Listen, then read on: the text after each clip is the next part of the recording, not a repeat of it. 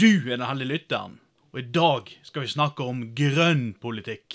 For det arbeides for fullt i alle politiske leirer, til og med i MDG, eller Miljøpartiet De Grønne.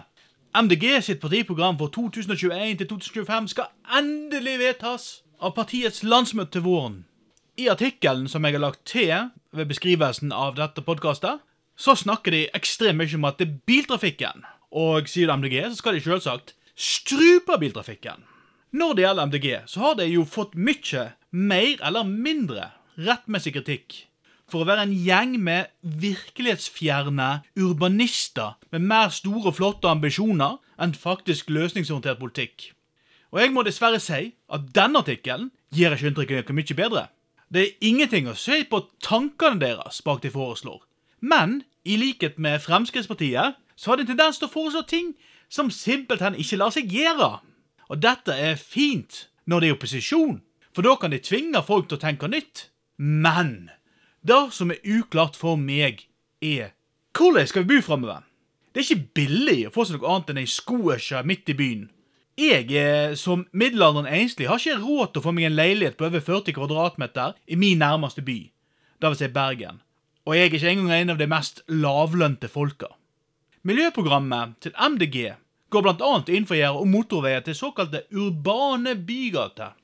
Arild Hermstad, som for øvrig er født i Bergen og burde vite litt om hvordan den byen er lagt opp, han forklarer at vi skal gjøre om motorvei til urbane bygater med redusert hastighet, hvor vi har som mål om å få skalert ned trafikken. Det er mange veier hvor vi kan få det til, enten det er i Bergen, Oslo eller andre byer. Det er store, gjennomgående veier som ødelegger for nærmiljøene for mange. Det han ikke tar hensyn til, er at det er ikke sånn at folk bare er fullt av en fantastisk lyst til å kjøre gjennom Bergen. Det at det er det som er på en måte er meninga med livet og en hobby vel verdt å gjøre på. Problemet er at Bergen ligger som en slags mellomplass for der folk bor, for de ikke har penger til å bo, til å bo inne i byen, Bergen, og til der de jobber. For det er ikke så mange bedrifter som holder til inne i Bergen. Videre så vil jeg gjerne at han skulle se litt nærmere på motorveien inn til Bergen. Hvis du tar veien ifra Sotra Askøy inn mot Bergen sentrum, så er det noen hus som ligger over enkelte tunneler der. Nærmiljøet som han snakker om, ligger langs de gamle veiene, som ble brukt før motorveien ble laga. Motorveien ble laga nettopp for å gjøre nærmiljøene mindre ødelagte. Altså, nærmiljøet var ødelagt. De lagde motorveier for ikke å lage det enda mer problematisk, og kanskje på sikt senke den ødeleggelsen. Og på den måten så ble i hvert fall mye trafikk flytta fra umiddelbart utenfor stuevinduet til en annen plass. Åsene er òg bygd opp på siden av motorveiene, hvor motorveiene er senka ned for å minske støy. De har òg støydempervegger som skal gjøre enda mer for å dempe den støyen. Om du tar den delen av bymotorveien som går fra Nesttun og inn mot sentrum, er den òg lagt ned i terrenget. Der var det i sin tid noen hus ved sida av, men det er lite nybygging som foregår langs den motorveien. Det skjer mye mer bygging rundt Bybanen, men det er faktisk utbyggeren sin feil, og ikke motorveien sin feil. Og det neste spørsmålet er OK, vi snakker om urbane bygater. Hvor lange skal disse urbane bygatene dine være, Arild? Hvor lange? Trafikken er allerede saktegående der rundt rushtida. Altså, Det vesle motorveier som er i Bergen sentrum, vil nok være kan du si, nord-sør- og øst-vest-aksen med Danmarksplass og Nygårdstunnelen. Og der er det allerede maks 60 km, og flere plasser mindre enn det. Hermstad mener følgende vi trenger en revolusjon, i anførselstegn vel å merke, i måten vi tenker byutvikling på, mens hans revolusjon ser ut som den i hovedsak handler om bil mot sykkel, og ikke om hvordan man kan bygge passelige romslige leiligheter i byene, sånn at folk ikke trenger bil i så stor grad. Jeg skulle gjerne bodd i en by, jeg, med gangavstand til det meste. Det hadde vært fantastisk. Gå på kino, gå på pub, tatt meg øl, drikke meg kaffe på kafé hvis jeg for det. Men det er ikke så jævlig enkelt. For det er dyrt. Og derfor ender det med at jeg bor på landet, jeg kjører fossilbil, og det blir lite pubgåing på meg. Som er bra for eh, folkehelsa, men kanskje ikke for bybyutviklinga. Videre så har talspersonen for Grønn Ungdom, Hulda Holtvedt, som er oppvokst i Oslo. Hun har sagt at jo da, det vil være behov for biler i distriktene også i framtida, men ikke fossilbiler. Hun mener at det finnes fullgode, utslippsfrie alternativer til privatbilisme, og smeller til med at MDK vil derfor forby nybilsalg av fossilbiler fra 2023. To år til. To år.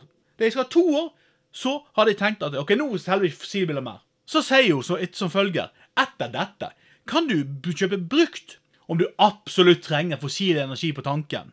Å kjøpe ny fossil varebil skal bli forbudt fra 2025, og ny fossil lastebil fra 2027, sier hun. Forbud på forbud på forbud. Men altså, måten dama blir sitert på her, høres ut som at det er bare noen som kjører fossilt for at de syns det liksom That's a shit, det er så kult, alle kule kids gjør. Er bare å kjøre det på gøy, og de får en slags sadistisk glede utover å fyre opp med biter av dinosaurer. Jeg ser ikke for meg at det kan stemme for et ekstremt mindretall. Men da jeg kjøpte min første nybil i 2017, hadde jeg visse krav til den. Blant annet at jeg ikke var interessert i å betale over 200 000 for den, og jeg ville ha en viss sikkerhet på rekkevidde. Hvis du befinner deg i dette prisområdet, så må du bare innse at eh, det er ikke så jævlig mye å velge mellom. Og siden jeg som regel kjører litt strekninger, så er dette med rekkevidde viktig. Det er en del av jobben min. Og hun avslutter med Vi tror vi kan produsere mer miljøvennlige ting, spise mindre kjøtt, kjøre mer tog, gjenbruke mer, og fortsatt være like lykkelige som i dag. Og igjen, det, det er ikke noe gale i tankene. Det er ikke noe gale i å tenke sånn. Men legg merke til det eneste hun snakker om her, er når det gjelder transport, er tog.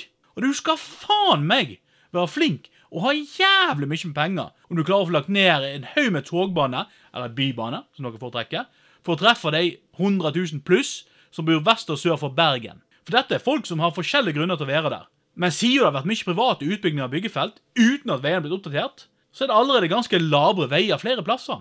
Resultatet er at det har blitt ganske langstrakt, og mange av disse husene ligger litt klønete til, med mye kronglete veier og annet som kjører fram til deg. For eksempel, prøv deg en tur ut på Grimstad, og du vil finne mange felter det ikke er mulig å passere to biler ved siden av hverandre. Verken landskapet eller grunneiernes rettigheter er enkelt forenlig med en struktur som skal være lett å sentralisere, ikke her på Vestlandet. Antakeligvis ikke i Nord-Norge. Deler av Sørlandet kan kanskje fungere, men i Østlandet går det mye finere, for der er det mye flatere. Før jeg går videre, så vil jeg bare nok en gang påpeke at jeg ikke tviler på at intensjonene til Hulda eller Arild er av det gode slaget. De har en del gode poeng. Det er bare at medisinen de foreskriver på resept, ser ut til å være for en helt annen sykdom enn den de peker på. Og om jeg hadde villet så tvil om intensjonene til disse to, så kunne jeg kanskje sagt noe sånt som at det er godt å vite at vår lykke går framfor livene og livskvaliteten til barnearbeiderne i koboltgruvene i Den demokratiske republikken i Kongo eller Zambia. Men det sier jeg selvsagt ikke. Jeg ser meg nemlig ikke tjent med å gjette på de verst tenkelige motivene folk kan ha. Jeg ser på politikken, og det jeg ser, er urovekkende. Ikke fordi det nødvendigvis er voldsomt dramatisk og umenneskelig, men fordi at det ikke ser ut til å være basert i virkeligheten. Og i virkeligheten så mener jeg i livene til borgere i Norge. Du vet, de som faktisk skal gå gjennom dette, som skal leve i dette. Jeg kan tenke meg at det er lett å stå fram for noe sånt for f.eks. en student som Hulda. Da jeg levde student, var det jo fantastisk at jeg hadde en hybel på 11 kvadratmeter som òg inkluderte et do og en dusj. For det var ikke alle som hadde. Kjøkken delte med fem andre mennesker. Men dette var en overgangsperiode for meg. Fra litt voksen til skikkelig voksen. Å leve sånn et helt liv tror jeg ikke jeg hadde klart. Det er òg ganske enkelt for meg å forestille meg at den Arild ikke har problemer med å få seg en plass å bo heller. Dette er tross alt en mann som har jobba i bank, vært brigadekoordinator i Latin-Amerika, har NHH-utdannelse, har en feit politikerlønn, og han er også godt vant med å bo sammen med kona. Og det er viktig her. For det sies at det er stadig flere enslige voksne i samfunnet. Det blir flere og flere av oss. Disse har òg behov for en grei størrelse på ledigheten sin, og ikke noe har gjort dette tydeligere enn den berømmelige koronakrisen. Jeg, på min side, har foreldre som begynner å bli gamle og skrøpelige. De bor på landet, og kommer nok til å bo i eneboligen sin til de blir omtrent fullstendig slutt, og at de blir plassert på eldrehjem begge to. Skal jeg besøke dem før dette, så kan jeg bare drite i å ta buss. Den går et par ganger for dagen, og en langs en haug med omveier. Dette fordi at jeg bor på Vestlandet. Det nærmeste vi på Vestlandet kommer en undergrunnsbane à la det de har i Oslo, eller London eller andre byer, er den kjære somletrikken som de kaller for Bybanen. Det lengste den går ut på landet, er til Flesland. Så for min terrasse oppleves det altså som ganske langt mellom det MDG vil, og det vi kan få til. Men vi mener jeg alle oss som ikke bor i bykjernen i en større by. Jeg har òg store problemer med å forstå hva MDG mener med det grønne skiftet. Du vet, dette skiftet som skal løse alle våre problemer og gjøre oljeindustrien så utdatert at det ikke lønner seg. At det, det skal løse det meste, men det er vanskelig å vite hvordan det skal være, og på hvilken måte man skal klare å favne om dette. Det blir litt som et magisk ord av det slaget privatisering er på høyresida. Det er ikke måte på hvor mye høyresida skal spare med å privatisere ting og legge ting ut på anbud. Og det er ikke måte på hvor mye penger MDG skal få inn med å grønne skifte. Ikke noe spesielt grønne skifte, bare grønne skifte. Den triste realiteten er faktisk at det er ikke mange nok folk som bor i Norge til at alt kan løses med å legge ut, det ut på anbud. Det er ikke nok utvikling på det grønne området til at du kan si ja, ok, om et par år så stryker vi all oljeindustri. Det går ikke, da. Og det er den virkelighetsorienteringen her som jeg syns mangler i mange parti. Akkurat i denne saken her tok jeg for meg MDG, og delvis Høyre Frp. Men uh, det kan hende jeg tar mer om problemene på høyresida i annen anledning. Jeg ønsker Miljøpartiet De Grønne lykke til med planen deres. Jeg håper at de klarer å pønske på en god måte. At uh, vi får det som er før i verden heter by og land hand i hand. At vi som ikke bor i Oslo-kjernen, faktisk har mulighet til å ha noe som ligner på et liv. Men da må MDG antageligvis få noen politiske rådgivere noe, som kan hjelpe deg til å finne ut hva trenger vi, hva er utfordringene våre her ute på landet. Og med de ordene så sier jeg at uh, dette får være nok for i dag, og så høres vi kanskje seinere.